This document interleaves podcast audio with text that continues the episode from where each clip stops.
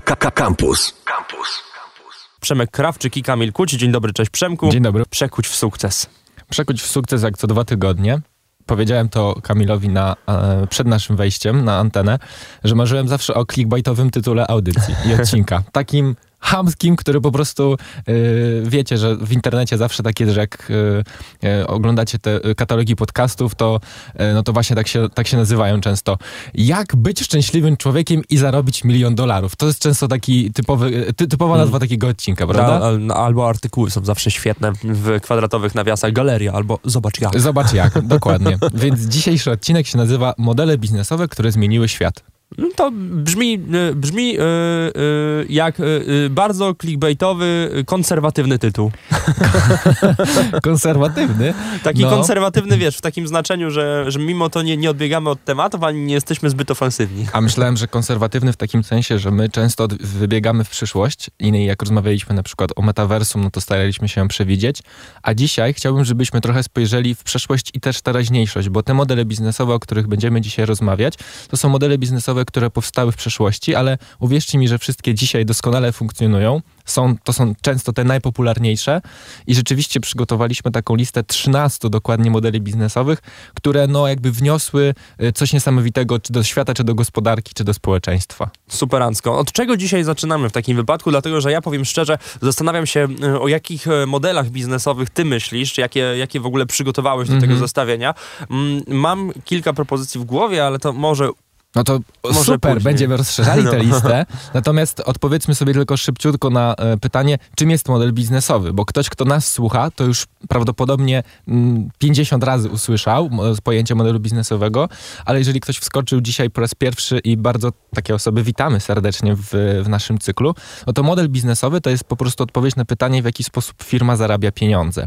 Skąd się biorą pieniądze, skąd się biorą przychody yy, i jaką wartość oferujemy klientowi, żeby klient chciał za tą e, wartość zapłacić. Więc to jest, mówiąc najprościej, model biznesowy. Odsyłam też do odcinka, w którym rozmawialiśmy o Business Model Canvas, czyli najpopularniejszym narzędziu, które służy do tworzenia modelu e, biznesowego. Więc chyba ten e, wstęp mamy już za sobą. Wszyscy jesteśmy on the same level i możemy zaczynać, prawda? Tak, zaczynajmy w takim wypadku. Super. Co jest pierwszą firmą, która miała rewolucyjny model biznesowy? Znaczy, pierwszym modelem biznesowym, który no tak. zmienił świat, jest model, który nazywa się Cash Machine. Cash Machine to jest koncepcja, która bazuje na czymś, co się nazywa, uwaga, to, jest, to będzie skomplikowane e, pojęcie, ale ja je zaraz wytłumaczę, negatywny cykl konwersji gotówki. E, czyli chodzi o to, że e, biznes zbiera fundusze od klientów szybciej niż musi zapłacić swoim dostawcom, partnerom, pracownikom, czyli zbiera te środki szybciej, e, mając jakiś czas, jakieś okno czasowe, kiedy mamy już środki, jeszcze nie musimy ich wydawać, więc na przykład te środki możemy w jakiś sposób reinwestować. I to jest koncepcja, na którą, znaczy nie wiem kto wpadł dokładnie na tę koncepcję, ale naj, najciekawszym przykładem i takim naj, najbardziej jaskrawym przedsiębiorstwa, który z tego korzysta, jest Dell.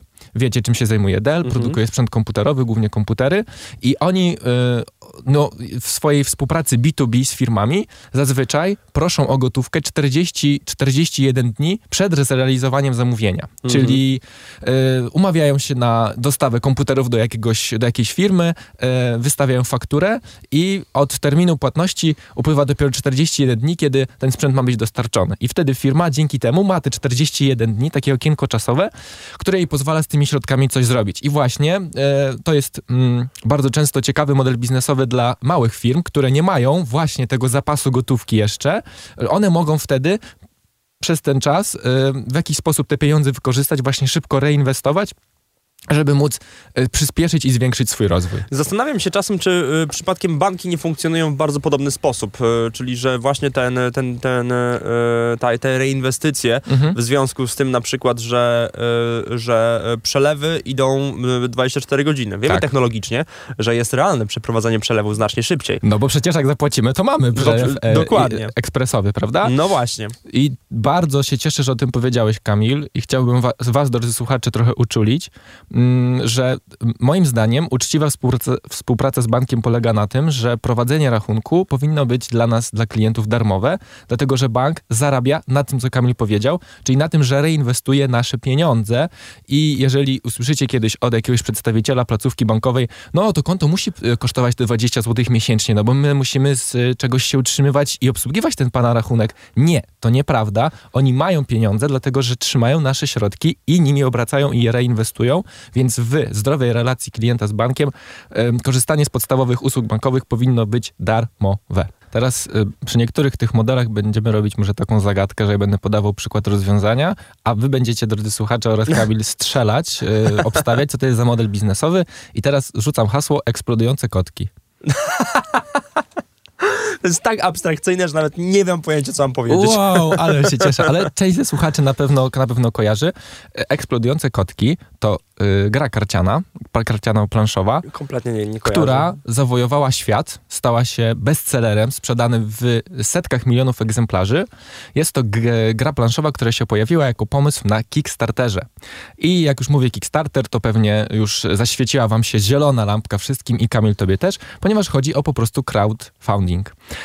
Y, crowdfunding, czyli model biznesowy, który opiera się na tym, że rzucamy jakąś innowacyjną ideą, fajnym produktem y, lub usługą, której jeszcze nie jesteśmy w stanie fizycznie wyprodukować, bo nie mamy, bo nie na, mamy to na to pieniędzy, Dokładnie. ale mówimy, że to jest mój pomysł, zobaczcie tak to wygląda, to jest demo, jakiś filmik, pokazujemy społeczności. Bardzo często jest też, jest też prototyp. Tak jest. I jeżeli chcesz to mieć, musisz nam po prostu za to zapłacić. Jeżeli uzbieramy x środków, czyli x osób y, nam zaufa i y, przed e, fazą produkcji nam przekaże pieniądze, to ten produkt powstaje. No i po prostu ty, jako osoba, która się dorzuciła, dostajesz, jesteś właścicielem właśnie takiego produktu, tak jak to było w przypadku eksplodujący, eksplodujących kotków. O co chodzi w grze w eksplodujące kotki? Powiedz mi, nie mam pojęcia, jestem tak ciekawy teraz tej nazwy, że, że no, no nie wiem, musisz powiedzieć, o co chodziło. To jest, to jest gra karciana, która mm, trochę się opiera na takim modelu, się rzuca kolejne karty, no i właśnie unika się tego, żeby nasz kotek eksplodował, e, więc no, to, jest, to jest gra, która jest bardzo prosta, jest bardzo śmieszna, to jest taka gra imprezowa, ona się opiera po prostu na genialnym koncepcie. I jak jesteście słuchaczami Przekuć w sukces, to na pewno pamiętacie odcinek z Arturem Kurasińskim, z którym rozmawialiśmy o crowdfundingu właśnie, ponieważ Artur jest autorem komiksu e, Róża, e, a co chcesz wiedzieć. I to jest e, komiks, który również w takiej formule mm, e, jest realizowany. Beyond Humanity Colonies, czyli gra planszowa, taka mega zaawansowana, którą Artur współtworzy. Wszystko, co byście chcieli wiedzieć o crowdfundingu, ale się wstydzicie zapytać, do tego się dowiecie właśnie z jednego e, z epizodów e, Przekuć w sukces sukces. Tak, Artur Kurasiński ma bardzo długą przygodę z crowdfundingiem, jest specjalistą mhm. praktycznie w tym temacie, więc... Tak jest. W Polsce, bo oczywiście powiedziałem Kickstarter i Kickstarter w Polsce już działa i no, jest już jakby polski branch, tak się mówi, tego Kickstartera. Natomiast jest też bardzo popularny serwis, który się nazywa Wspieram To. Yy, I on też działa mhm. na bardzo podobnej zasadzie. Często tam się pojawiają zbiórki pomocowe i akcje charytatywne i to jest bardzo spoko i warto je na pewno yy, w większości yy, wspierać i kontrybuować, ale też właśnie gdzieś tam wspieram to wyrasta z takiej idei crowdfundingowej. To ja powiem jeszcze ciekawostkę w ramach, e, w ramach e, rozmowy o crowdfundingu i na przykład portalu Wspieram to czy Kickstarterze. Bardzo często ostatnio te portale e, są używane do prania pieniędzy. Nie wiem, czy słyszałeś o tym. No, wiem, słyszałem że, o tym. Że ktoś wystawia na przykład, że zbiera na samochód i chce mieć nowy samochód, no i w związku z tworzy multikonta i z multikont wpłaca so, sobie sam pieniądze, żeby mhm. te pieniądze po prostu były czyste w obrocie już. Oczywiście, no to musicie wiedzieć, że... Yy model crowdfundingowy jest jak, nie wiem, nóż kuchenny, czyli w różnych rękach będzie służył do różnych rzeczy. Ktoś go wykorzysta do tego, żeby y, nam przygotować pyszny posiłek, a ktoś inny za niego złapie i może wylecieć na ulicę i być mhm. niebezpieczny. I trochę tak to działa w przypadku, no właśnie tego modelu biznesowego, ale również innych, więc musicie, musicie być po prostu wyczuleni. Myślę, że też te platformy bardzo mocno zwracają uwagę na to, żeby walczyć z takim zjawiskiem i musicie zawsze robić taki fact-checking, czy taki double e, dowiedzieć się więcej, zobaczyć, czy na przykład z twórcami tego pomysłu jest w jakimś portalu branżowo-startupowym wywiad, mhm. prawda? No jeżeli, jeżeli na mamstartup.pl z założycielami jest rozmowa, no możemy uznać z dużym prawdopodobieństwem, że to jest legitna inicjatywa, prawda? A nie tylko jakiś skam, jak to Tak, więc można wpaść naprawdę, mm, można zaufać nie tej firmie, co trzeba, więc pamiętajcie, tak samo jak ze wszystkim sprawdzajmy e, informacje i źródła, z których czerpiemy wiedzę. Dokładnie tak i numer trzy, trzeci rewolucyjny model biznesowy, to integrator. E, trochę, alterna, trochę brzmi jak alternator, więc słuchacze kampusa teraz poczuli się trochę jak u siebie. Natomiast integrator, e, integrator to jest... To jest model biznesowy, który próbuje trochę wyjść naprzeciw e, temu, co się dzieje w epoce globalizacji. Żyjąc w XXI wieku, mamy takie poczucie, że wszystko możemy outsourcować. Mamy marki odzieżowe, które jedyne co posiadają to tylko brand, nie zajmują się absolutnie niczym nie zajmują się żadnym elementem tworzenia biznesu odzieżowego, mają tylko i wyłącznie markę, którą zarządzają i odnoszą sukcesy, jakby przy, przynosi to ogromne zyski. Natomiast integrator jest czymś odwrotnym, czyli próbujemy kontrolować cały łańcuch wartości i wszystko mieć wewnątrz organizacji. I w przypadku właśnie branży odzieżowej e, może to być design, czyli dział projektowania, może to być dział produkcji, sama dystrybucja, sprzedaż, marketing. To wszystko integrujemy w ramach jednego przedsiębiorstwa i przykładem takiego przedsiębiorstwa, które działa w ramach integratora jest e, Zara. Mhm. Ja y, oczywiście y, mówimy dzisiaj dużo o odpowiedzialnej modzie i o tym, w jaki sposób y, te ubrania są produkowane i tak dalej. I no, nie będziemy w to wnikać, bo to nie jest tematem dzisiejszego odcinka. nie, jesteś, nie chodzi o to, że teraz będziemy tę firmę wychwalać pod niebiosa.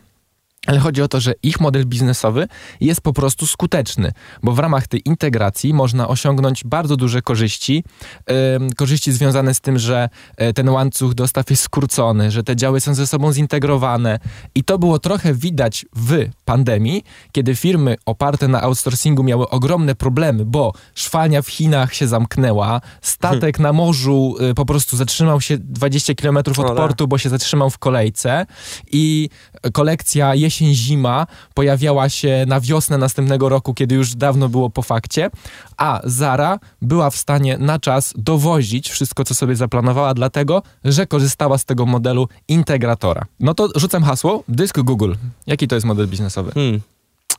To jest subskrypcyjny subskrypcyjny to jest zły strzał, ale subskrypcja będzie później. Okej, okay, ciekawe. A to, to, to, to, to, to, słucham. Freemium moi drodzy. Mm. Freemium to jest jeden tak. z moich ulubionych Masz modeli rację, biznesowych. Bo tam, mm, wszystko się zgadza. Wszystko się zgadza, dlatego że przecież w 15 gigabajtów miejsca na dysku mm -hmm. możemy otrzymać za darmo, przy, kiedy zarejestrujemy się, mamy swój mail w, dom, w gmailowej domenie, do niej mamy dołączony dysk Google'a. No ale co się dzieje, jak się te 15 gigabajtów kończy? -hmm. Firma Google nas prosi, żeby kupić sobie, wykupić sobie płatną dodatkową przestrzeń dyskową. Jest to model freemium, E, który w erze internetu mam wrażenie, że jest totalnym dominatorem w, w modelu biznesowym. Na, modelu, na, na tym modelu opierają się w ogóle wszystkie chyba y, cloudowe, y, cloudowe rozwiązania, bo Dropbox ma tak samo, OneDrive ma tak samo, więc te wszystkie te wszystkie y, generalnie firmy, które udostępniają nam przestrzeń dyskową działają wszystkie identycznie. Słuchajcie, trzy czwarte, możemy zrobić eksperyment. uważam, że trzy czwarte aplikacji, które macie w telefonie działa w modelu freemium, Czyli mhm. macie pe pewną paczkę funkcjonalności za darmo i możecie sobie z niej korzystać. Natomiast mamy też funkcjonalności dodatkowe, wypasione, ekskluzywne, które są dla nas dostępne, kiedy wykupimy y, dostęp. I to jest model biznesowy, który pozwala bardzo efektywnie początkującym rozwiązaniom się rozwijać, dlatego że dla każdego rozwiązania, powiedzmy to webowo-apkowego, jest mega ważne, żeby jak najszybciej nałapać bardzo dużo userów, bardzo dużo użytkowników. To jest tak zwana masa krytyczna. No a wiadomo, że nie uzbieramy dużo userów, kiedy trzeba płacić od samego początku za usługi. Dokładnie tak. Dlatego co robimy? Dajemy pewną funkcjonalność za free, użytkownik sobie to pobiera, korzysta, śmiga, trochę się przywiązuje. Tak, to może być mm, tak, że ta główna y, funkcjonalność jest darmowa, ale potem dochodzące rzeczy, które nam mogą ewentualnie trochę ułatwić życie i z czasem oczywiście będziemy chcieli korzystać z tych kolejnych tak, funkcji, jest. bo wi będziemy widzieli, że będą nam się po prostu podobały, to już będziemy znacznie bardziej zachęceni do tego, żeby y, wykupić dodatkowe funkcje, bo na przykład aplikacja działa dobrze. No i widzicie, y, Dysk Google to był przykład numer jeden.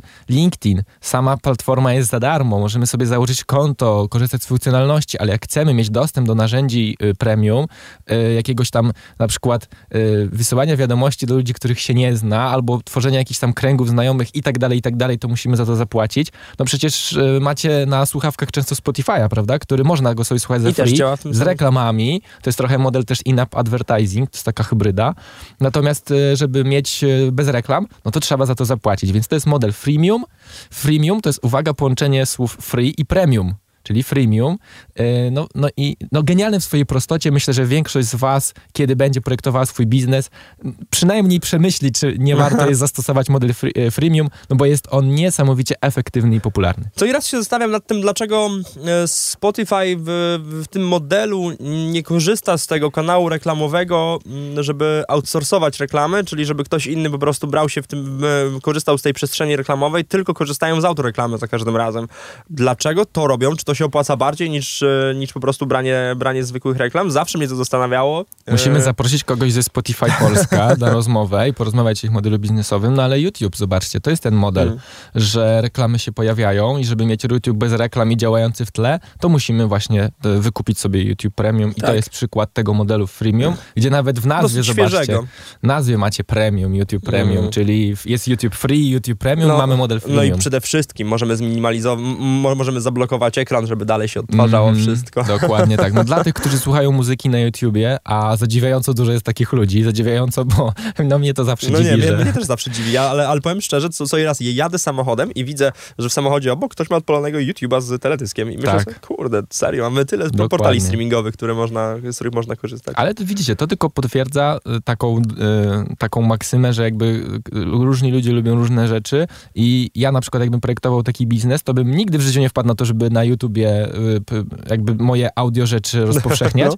a jest tylu ludzi, że dopiero porozmawianie z użytkownikami by mi pewnie dało taki feedback, że jeszcze YouTube, nie? No tak. No więc y, idziemy numer 5. Podejrzewam, że to będzie jeden z ostatnich, który wypadnie tutaj na antenie, ale obiecaliśmy, że będzie minimum 13, więc reszta będzie gdzie? W podcaście. I numer 5, o fajnie, że kończymy takim modelem biznesowym, bo też go lubię. Nazywa się Open Business. Open Business polega na tym, że wiele podmiotów wiele firm na przykład kooperuje ze sobą, żeby wypracować e, jakieś rozwiązanie. Czyli to jest model biznesowy, który jest bardzo otwarty, bardzo transparentny. E, firmy decydują się, żeby udostępnić wyniki swojej pracy, żeby inne firmy też konkurencyjne zachęcić do tego, żeby z nami współpracowały.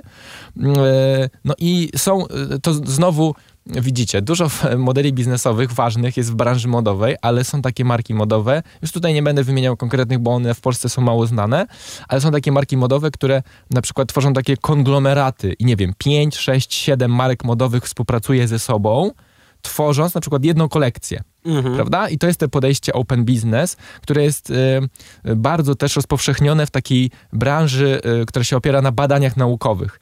Y, no, pierwsza rzecz, która mi się kojarzyła, to raczej właśnie badania naukowe. Że, tak, że, wy, że wrzucamy jakieś dane podstawowe. O, właśnie. No to w biotechnologii to jest bardzo ciekawy przykład, że jest firma, która zajmuje się badaniami naukowymi i ona produkuje mnóstwo danych i te dane udostępnia w jakimś repozytorium i inne firmy, inne inne startupy mogą te dane pobierać i na ich podstawie na przykład tworzyć jakieś zaawansowane modele uczenia mm. maszynowego, jakieś modele właśnie takie wykorzystujące sztuczną inteligencję, które korzystają z danych, które wyprodukowała inna firma. I one ze sobą bardzo efektywnie kooperują. Mam wrażenie, że w XXI wieku, kiedy jesteśmy wszyscy tak naprawdę globalnie ze sobą połączeni w jeden super mózg, no to jest mega ważny model biznesowy. Ja zawsze będę zwolennikiem otwierania się na innych i współpracy, niż zamykania się i tworzenia jakichś takich właśnie okopanych Y, struktur, dlatego że z kooperacji i współpracy powstają zawsze najlepsze, najfajniejsze i najciekawsze rzeczy. I cyk w podcaście już się znajdujemy. Mm, Przemek Krawczyk, Kamil Kuć, klasycznie, standardowo. Ale mam bridge. Yy, Dawaj. Kamil, o czym rozmawialiśmy na poza antenie przed chwilą? Yy, o siłowniach. Jaki model biznesowy stosują siłownie dzisiaj? No właśnie, to, tak, no, znaczy abonamentowy, subskrypcyjny. Subskrypcja. Dokładnie. Subskrypcja. Model subskrypcyjny to jest punkt numer 6. Chcemy o nim teraz chwilę porozmawiać. To jest y, stała opłata najczęściej co miesięczna, ale można też wykorzystać model, nie wiem, kwartalny, roczny, gdzie płacimy za usługę i dopóki płacimy, dopóty możemy z niej korzystać.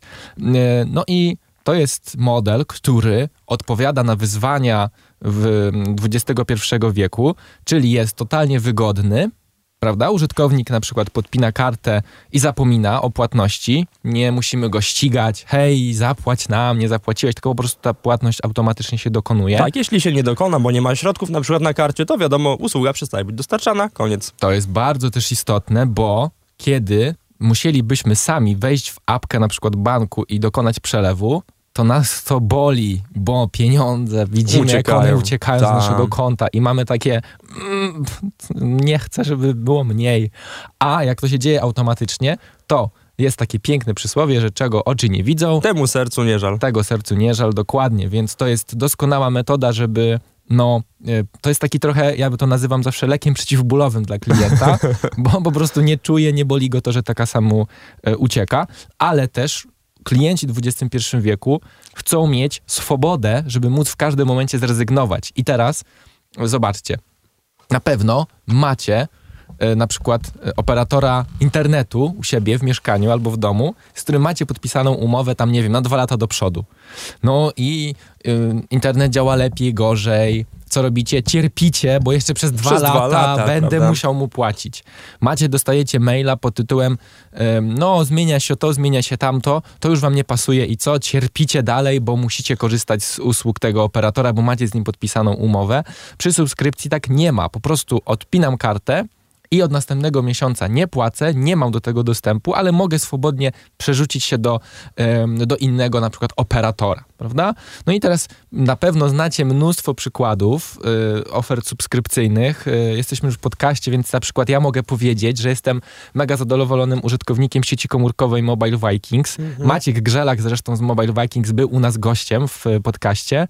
To jest kom telefonia komórkowa, która działa właśnie w modelu subskrypcyjnym, czyli podpinam kartę, i mam co miesiąc za określoną opłatą dostęp do tych usług, ale gdybym chciał zrezygnować, to nie mam umowy na 3 lata, że muszę zostać z tym no tak. operatorem, bo kara, tylko sobie odpinam kartę, jestem wolnym człowiekiem, mogę sobie przejść do innego operatora. Kropka. Mhm. Prawda? Czyli to jest w ogóle świetne. E, no, ja jestem po drugiej stronie tej barykady. Jestem w T-Mobile, więc, e, więc yy, płacę jeszcze do tego ręcznie. Słuchajcie, je, słuchajcie. ręcznie ja... muszę płacić za telefon, muszę wejść w aplikację i kliknąć zapłać. Jutro o 16 A. pod Radiem Campus Wiec Poparcia dla Kamila będziemy zbierali dla niego pocztówki e, wspierające e, wszy, wszystkie znaki wsparcia serduszka mile widziane.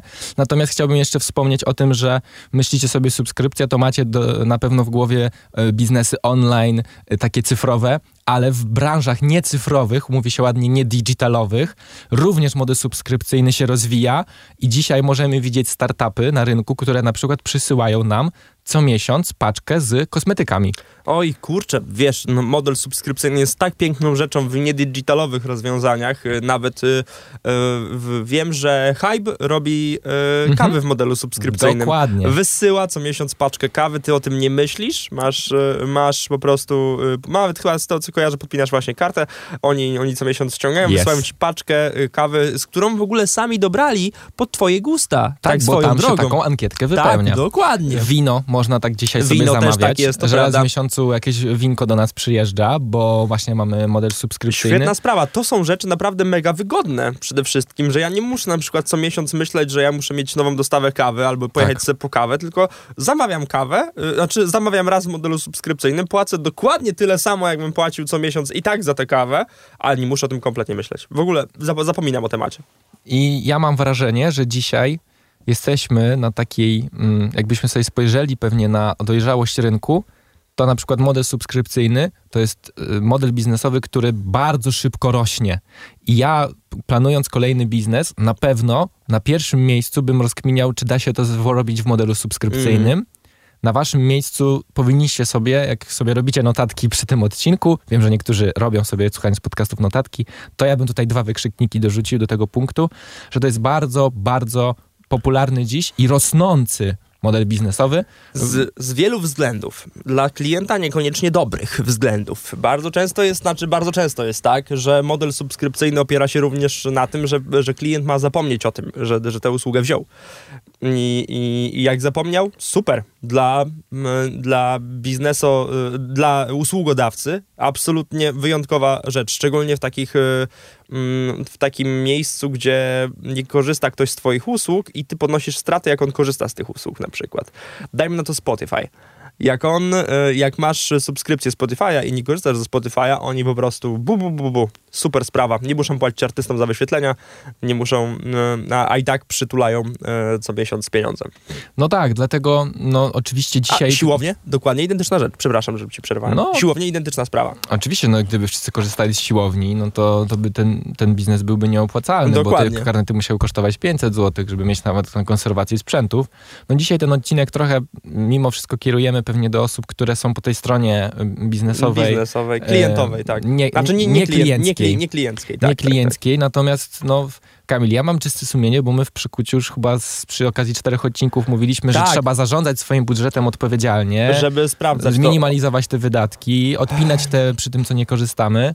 No więc o, oczywiście... Ostatnio, ostatnio sprawdziłem swoje konto tak, robię raz na pół roku taki przegląd, y, przegląd wydatków całkowitych, czy przypadkiem nie mam jakiejś subskrypcji, które gdzieś tam wziąłem i o nich zapomniałem właśnie. No i odkryłem, że, że, że przez 5 miesięcy co miesiąc ściągało mi 39 zł za subskrypcję, która była mi potrzebna do jednej rzeczy, którą mhm. musiałem zrobić. Po prostu zapomniałem, zapomniałem odpiąć karty.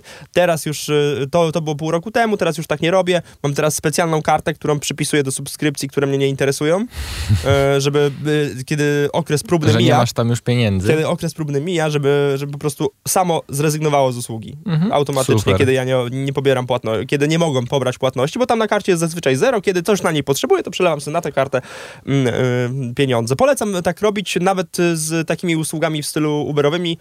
Y, internetowa karta dla klienta to jest super sprawa, żeby tak. nie musieć się martwić, czy przypadkiem nie mamy podpiętej rzeczy, której nie chcemy. W fintechowych aplikacjach są tak zwane karty wirtualne, które y, działają raz, że mm, wykorzystam, że raz zapłacę i ona wygasa. Mhm. Więc tak jak powiedziałeś, ja potrzebuję subskrypcji na narzędzie, które potrzebuję wykorzystać ten jeden raz, to wykorzystuję tą kartę wirtualną i ona po tej jednej płatności wygasa i wtedy no już nie masz czego pobrać, więc mhm. no takie lifehacki można, ja sobie po prostu ustawiam przypomnienie w apce do moich, do jakby do porządkowania zadań, przypomnienie odepnij kartę na dzień przed i po prostu mm, nie myślę o tym miesiąc, miesiąc później patrzę, o dzisiaj muszę odpiąć. No, ale to mhm. jest już, e, podejrzewam, że nie, nie, nie wszyscy tak zrobią. Ja tak nie robię. Ja, ja no, za każdym razem sobie wirtualna... mówię, że zapiszę sobie to w kalendarzu, nigdy tak nie robię. Karta wirtualna, piękna rzecz, jest, jest darmowa, więc jest, bardzo często. Jest więc... taki typ ludzi, którzy mówią, że zapiszę to sobie.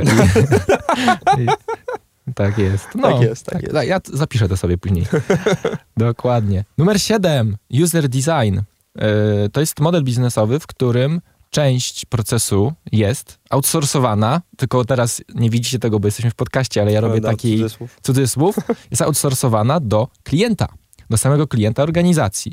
No i wtedy, wtedy my, jako firma, co robimy? Korzystamy z kreatywności i talentu naszych odbiorców. To jest bardzo ważne, a z kolei ten klient ma możliwość wzięcia udziału w procesie tworzenia, więc on się czuje doceniony, on się czuje częścią wyjątkowego procesu kreatywnego, no i teraz y, mm, znamy y, na przykład z polskiego podwórka y, Otertis, to jest firma, która produkuje koszulki, ale ty możesz za, za, za y, możesz za, y, zaproponować nowy wzór, i oni wybierają te najfajniejsze wzory, ona trafia do sprzedaży, e, no i oczywiście e, też jako, ja jako klient mogę na tym zarobić. Jest też biznes, który się nazywa Display. O, właśnie, chciałem, zapisywałem sobie, żeby potem jak skończysz, że pamiętać, że mam o tym powiedzieć. No tak? to możesz Kamil o tym Display. powiedzieć. Display świetnie, dokładnie tak samo jak z koszulkami, czyli pol, są metalowe plakaty, które są naprawdę w świetnej jakości.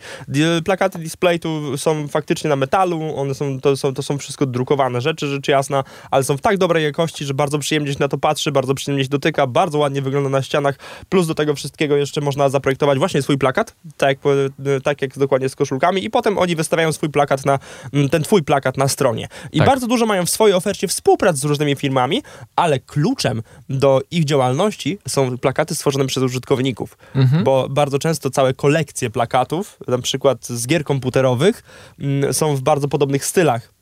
Tak przez jest. to, że są w bardzo podobnych stylach stworzonych przez jednego użytkownika, bardzo fajnie się na to patrzy, mimo że są z różnych gier mhm. wszystko, więc idealna rzecz do tego, żeby tak. sobie, żeby, żeby z tego skorzystać. Fajna sprawa, Display y, też korzysta z tego modelu, super rzecz. I jeszcze jedna, mm, trochę może też ze świata mm, gamingowego, Warframe jest taka gra, ma taki model, że możesz, że użytkownicy mogą wykonywać skórki do broni, albo do postaci, które, które, które gdzieś tam, którym można potem się poruszać i potem te skórki firma sprzedaje.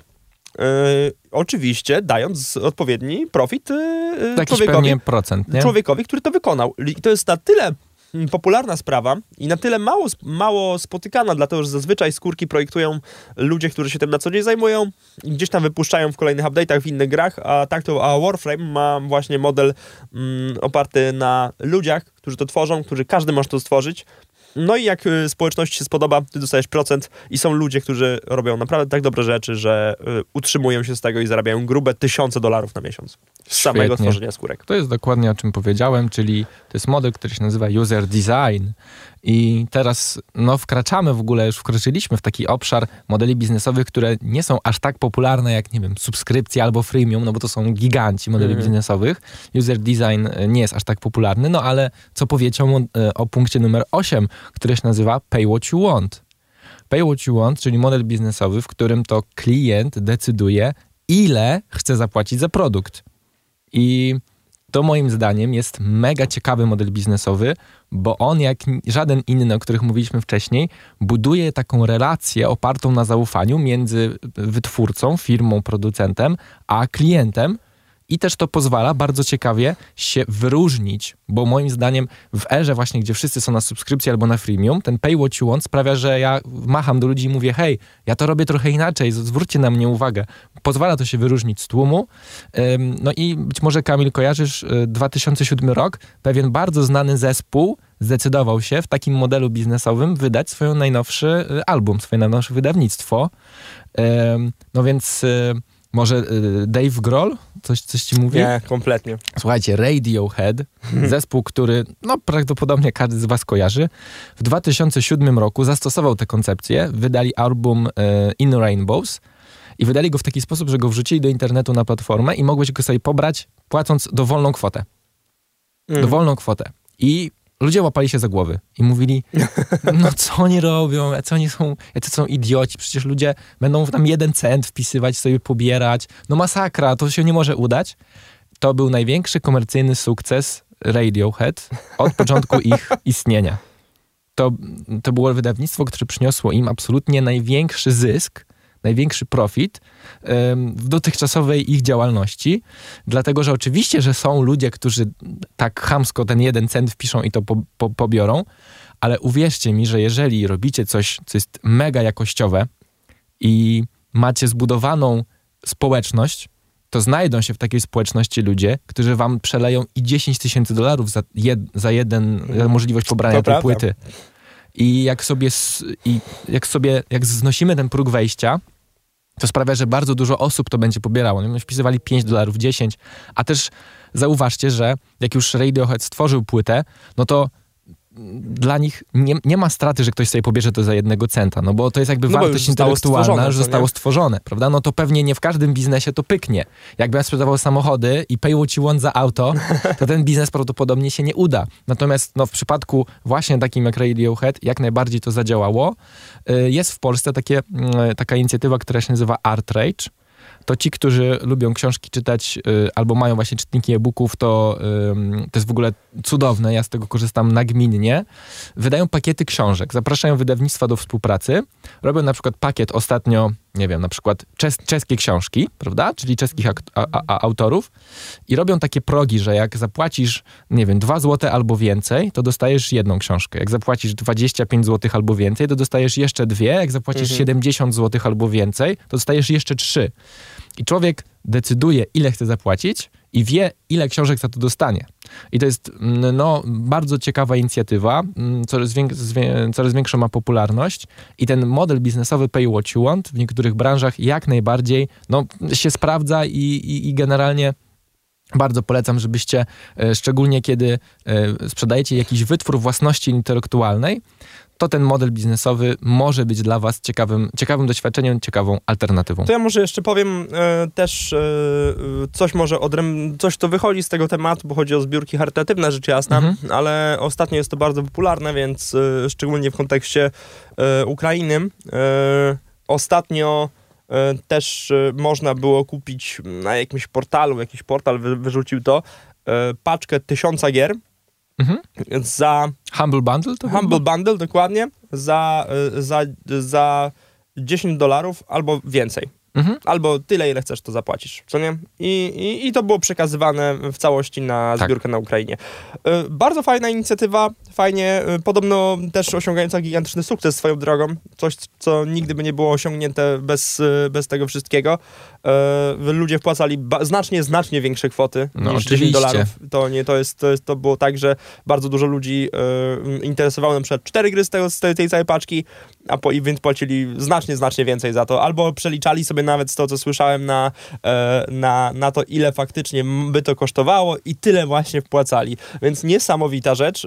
No, tylko tutaj mamy trochę inne motywacje. Inne motywacje, ale to jest przykład wykorzystania mm, modeli biznesowych w słusznej sprawie. Mm, Tak, dokładnie. Więc jak najbardziej można. No dobra, no to mi jeszcze cztery zostały punkty, więc e, nieuchronnie się zbliżamy do, do zakończenia tego odcinka, ale jeszcze trochę przed nami. E, Numer dziewięć to jest model biznesowy, który się pojawił no już jakiś czas temu, ale nazywa się sprzedaż doświadczeń. Mhm. E, czyli mm, mamy, to, to jest model biznesowy, który dobrze funkcjonuje na rynkach, na których jest ogromna konkurencja. I ten produkt podstawowy, który sprzedajemy, to jest podobny. Ciężko jest się wyróżnić. No wyobraźmy sobie, to jest bardzo dobrym przykładem, będzie mleko. Jak kupuję mleko, no to mogę kupić mleko 2%, 3,2%, ale nieważne, czy ja kupię od producenta A, B, C, D, E, F, Ono G, będzie podobne. to samo mleko, więc jest bardzo, bardzo trudno się wyróżnić. Y, kawa. Ja wiem, że mamy smakoszy, którzy, O, e, wiesz, o, o. siorbają i robią, wiecie, takie To ja. i Ale- robią ale- speciality, ale ile to jest procent osób, które piją kawę? O, mam nadzieję jak najwięcej. Nadzieja matką głupich to jest jakiś 1-2%. Po prostu ludzie, pozostała część, po prostu chce się napić kawy, jakiejkolwiek. I teraz znowu ciężko jest się wyróżnić. I wchodzi cały na biało, czy raczej cały na zielono, taki Starbucks, który otwiera wypasioną kawiarnię, wchodzisz do niej. Teraz to już, teraz to już nie jest nic y, ale 10 lat temu było, że masz darmowe Wi-Fi, Możesz sobie usiąść w miłym wnętrzu, popracować sobie z komputerem. e, fajne mebelki, e, wygodne. M- przychodzi do ciebie barista, mówi do ciebie na ty, pisze twoje imię na kubku i to wszystko to jest doświadczenie picia kawy. Czyli do produktu podstawowego pod tytułem kawa dostajemy całe rozbudowane doświadczenie, jakby takiego właśnie, no dzisiaj to pewnie byśmy pochwalili e, Coffee Desk, prawda? I ich kawiarnię. O, Coffee Desk, Eee. naprawdę, kawiarnie Coffee Desku są ostatnio, ta co tutaj się ostatnio otworzyła całkiem niedaleko stąd. No, Byłeś tak. tam? Byłem. Świetne. I Muzyka jest. genialna, w ogóle wnętrze genialne. Jeden minus, kurde, dużo ludzi. No tak, ale no to, to tylko pokazuje, że Tak, to tak, tylko tak. pokazuje, że model biznesowy pod tytułem sprzedaż doświadczeń się sprawdza. Tak, świetne, bo tam świetne. produkt podstawowy jest w ogóle wysokiej jakości. No, i- no i właśnie chodzi o to, że pro, tam się wyróżniają też produktem podstawowym. Wiesz, ja lubię chodzić do Coffee Deska, dlatego że dostanę świetną kawę i wiem o tym, że mimo, że może faktycznie jestem w tym jednym, dwóch procentach Mhm. społeczeństwa, które skupia się na smaku kawy, tylko i wyłącznie, to, to oni właśnie mi to dostarczają jako jedni, kurczę, z niewielu w Warszawie. Niewiele jest takich fajnych punktów, gdzie faktycznie dostaniesz kawę taką, jaką chcesz. Wszyscy, którzy się skupiają, to mają właśnie jakichś właścicieli, którzy y, są, y, są też odpaleni na punkcie kawy Mhm. i, y, i, i dlatego to robią u siebie, ale, ale niewiele jest takich miejsc. Coffee Desk y, połączył jedno y, experience z dobrą kawą, super to wyszło. No, Desk będzie i dla kawosza, który lubi speciality i on doceni produkt, ale też dla e, osoby, która na co dzień się nie interesuje tak mocno kawą, te całe doświadczenie dookoła też będzie czymś, co będzie przyciągało. Stąd tylu ludzi, ale właśnie sprzedaż doświadczeń. Jeżeli działacie w branży, to mówię sz- szczególnie, ten model biznesowy jest szczególnie dla tych przedsiębiorstw, które działają w branży, gdzie jest duża konkurencja i produkt podstawowy, ciężko jest się nim wyróżnić. Prawda? Ehm, sukces Oponeo wynika z tego, że wokół sprzedaży opon wykreowali porządne doświadczenie, gdzie jest fajna wyszukiwarka, intuicyjna, prosta, y, gdzie jest dowiezienie ci tego do domu, opcja, żeby ci to dowieźli do warsztatu i zintegrowanie to z wymianą tych opon, no możliwość łatwego zwrotu. To wszystko to jest wykreowanie wokół sprzedaży, no bo człowiek nie odróżnia opony od opony. Jest dla, dla każdego praktycznie oprócz pasjonatów motoryzacji są opony letnie i zimowe. I tyle. I ktoś przyjeżdża najczęściej do warsztatu i mówi, proszę pana, ja potrzebuję do tego samochodu czterech opon letnich. I tyle. I to jest wszystko, co się dzieje, co, co się wiąże z oczekiwaniem klienta, a Oponeo udało się właśnie przez takie fajne doświadczenie no, zająć pozycję totalnego lidera na rynku sprzedaży opon. Numer 10. Zaczynamy dwu, dwucyfrowe modele biznesowe, w sensie numer 10. No i Gillette, Kamil. Co to jest za model biznesowy? Mm, nie mam pojęcia. Nie, nawet nie jestem blisko, nawet nie jestem blisko w mojej głowie. Gillette, innym przykładem, y, słuchajcie, może być y, Nespresso, o. a jeszcze innym przykładem może być y, w ogóle Sony PlayStation. no model biznesowy. Jestem chyba blisko, ale, ale, ale boję, się, boję się użyć słów, bo zaraz wyjdę, że jestem głupi. Widzicie? Kamil jest mądrym człowiekiem. Jak nie wie, to się nie wypowiada. Wierzcie przykład z Kamila. Ale to oczywiście ja się śmieję, bo to jest, e, bo, bo też wy, którzy nas słuchacie, pewnie jak usłyszeliście na przykład Gillette, to krzyknęliście, będąc w tramwaju na głos, model, nazwę tego modelu biznesowego i teraz ludzie się dziwnie na was patrzą. Ten model biznesowy nazywa się Razor and Blade właśnie od Gillette, czyli po polsku y, maszynka i ostrze. I chodzi o to, że podstawowy produkt sprzedajemy bardzo tanio, wręcz po kosztach. Tak, tak, o, o to myślałem. I powiedziałeś o Nespresso mi się to I na czym zarabiamy? Na na rzeczach, które się dokupuje do, do produktu, żeby one w ogóle funkcjonowały. Nazywa się to w biznesie akcesoria, czyli mm. produkt podstawowy sprzedajemy bardzo tanio, a y, marża jest y, uzyskiwana na sprzedaży akcesoriów. I to jest model biznesowy, na który wpadł Gillette, Mm. Czyli bardzo tania maszynka, bardzo tanie, tania y, rączka do tej mm. maszynki, którą można kupić, no nie wiem, pewnie za złotówkę, złoty 50 i w ogóle to jest grosz. Natomiast dokupujemy do niej ostrza, które się tępią i zużywają. I to jest model, który się nazywa Razor and Blade. Powiedziałem Nespresso, dlatego że Nespresso sprzedaje przecież ekspresy. nam ekspresy. Ta. I można sobie za sto kilkadziesiąt, już pewnie w naj, naj, najprostsze, najtańsze kupić. No i co dokupujemy? Kapsułki. Mhm. I te kapsułki to już jest. Yy, wiecie, że yy, jak yy, sprzedajecie kawę, jak kupujecie kawę w kapsułkach, to kilogram wychodzi mniej więcej za 160-200 zł. Tak, strasznie dużo. Jakbyście, i teraz, zobacz, i teraz zobaczcie, na czym polega genialność tego modelu biznesowego. Genialność polega na tym, że jakbyście poszli do supermarketu i widzicie kawa i jest napisane 200 zł za kilogram, to nikt o zdrowych zmysłach nigdy by jej nie kupił, bo nawet kopiluwa kosztuje, podejrzewam, nie wiem, coś podobnego, ale... Nie, to... nieprawda. Nawet nie. Nie, nie, nie, bez przesady. No Słuchaj, no jest kawa speciality, to coś tak oscyluje zazwyczaj. No ale widzicie, no, kawa speciality, no, gdzie tak. to kupuje jakby ktoś, kto się na tym zna, ale y, Nespresso, czy ta kawa jest speciality? No nie, no to jest no kawa, nie. która jakościowo jest raczej moim zdaniem poniżej standardu niż powyżej. Natomiast nikt, chodzi o to, że nikt nie kupi kawy, gdzie masz kilogram 200 złotych, ale jak ktoś sobie kupuje co miesiąc kapsułki i dokupuje, żeby mieć do tego ekspresu, to mu właśnie tyle wychodzi i człowiek o tym nie wie, dlatego że wpadł w model biznesowy Razor and Blade. E, no i powiedzieliśmy, że już właśnie w taki sposób działa między innymi e, Nespresso, a i Sony. Dlaczego powiedziałem, że Sony? Dlatego, że PlayStation działa w takim modelu, że sama konsola jest sprzedawana, no teraz PlayStation 5, która jest nową konsolą i jeszcze jest mała ilość sprzedanych sztuk, to jest droga konsola. Ale jakbyście, nie wiem, w, w zeszłym roku była premiera PlayStation 5, tak? W 2021 tak, czy 2020? W 2021. No to cofnijmy się o 3 y, lata do tyłu, jest 2018 i PlayStation 4 można kupić za jakieś, nie wiem, 600, 500 tak, zł. grosze, absolutnie. Grosz, grosze, znaczy to, to nie są grosze 500 zł, ale no. koszt ale... produkcji konsoli to jest około 500 zł, więc Sony już sprzedawało w zasadzie ją po kosztach, czyli w zasadzie nie zarabiając na sprzedaży konsoli praktycznie nic. Dlaczego? Dlatego, że Sony zarabia na dystrybucji i sprzedaży gier do tej konsoli, prawda? Czyli sprzedajemy tanio konsolę i potem cashujemy ludzi na tym, że oni kupują gry. Plus jeszcze mamy połączenie tam modelu subskrypcyjnego, który, o, który PS Plus mamy przecież, prawda?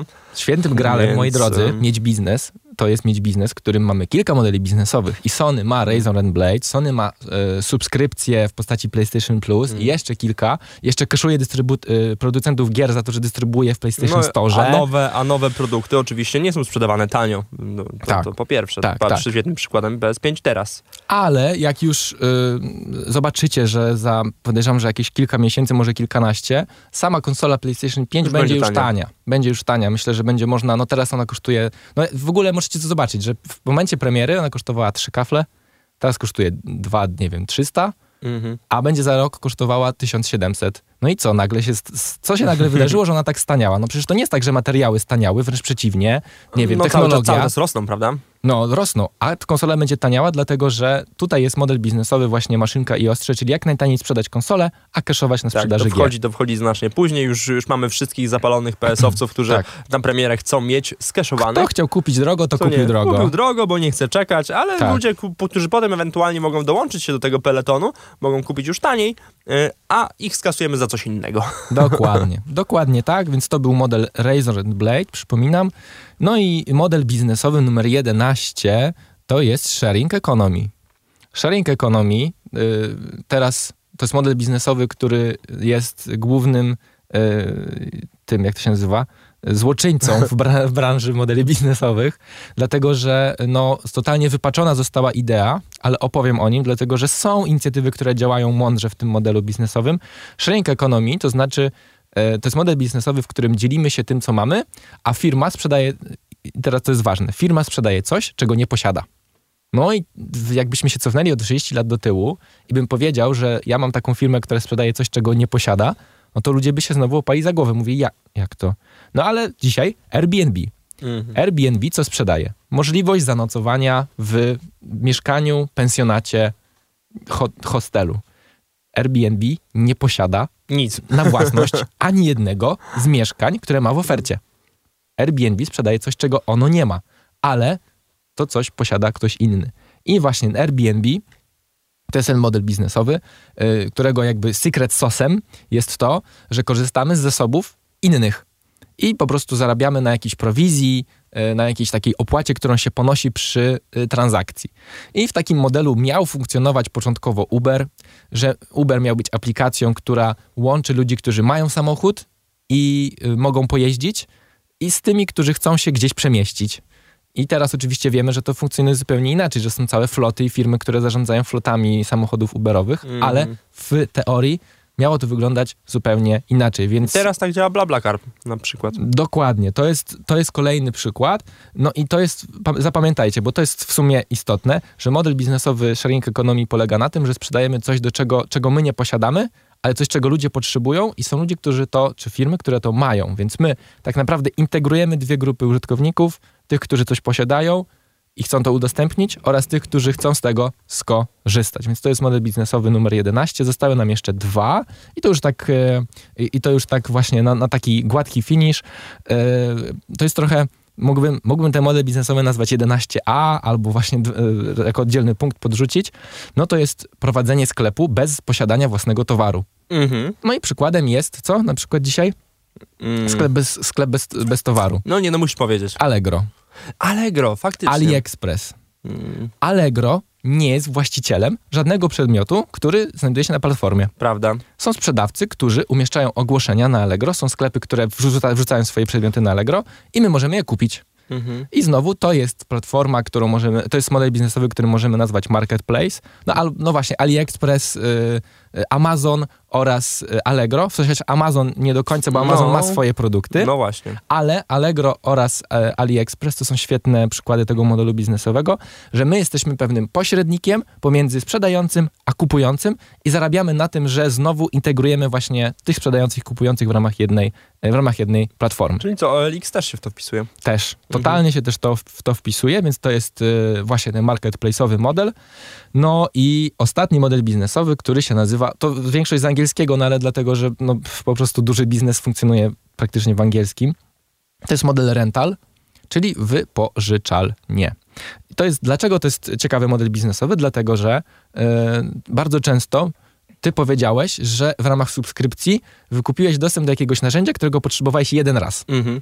I bardzo często tak jest, że ja potrzebuję na przykład jakiegoś specjalistycznego sprzętu, bo mam coś w domu do naprawienia, chcę sobie w sobotę zarezerwować dzień na tą naprawę i ten sprzęt kosztuje 4000 zł. No i teraz bez modelu rental byłbym zmuszony pójść do sklepu, kupić, i po tym jednym użyciu odłożyć na półkę. Albo e, kupić e, znacznie tańszy zamiennik, który będzie się bardzo trudno pracowało na przykład. Albo kupić i potem próbować sprzedać. I się męczyć mm. z tym, że to leży i muszę się użerać, bo ludzie na Olixie, nie? Wystawiasz coś tak. za 3500 i dostajesz wiadomość 1000 znak zapytania. No i się, się użerasz z tymi ludźmi. I te, wtedy naprzeciw potrzebom wszystkich tych ludzi wychodzi biznes, który się nazywa właśnie, który działa w modelu rental, czyli my ci to coś wypożyczymy. I firma Hilti jest prekursorem tego modelu biznesowego. Znamy ją, bo to jest duża tak. firma budowlana. Swoje, swoją drogą nikt tego nie wie, ale ona jest z Liechtensteinu. O. Pochodzi.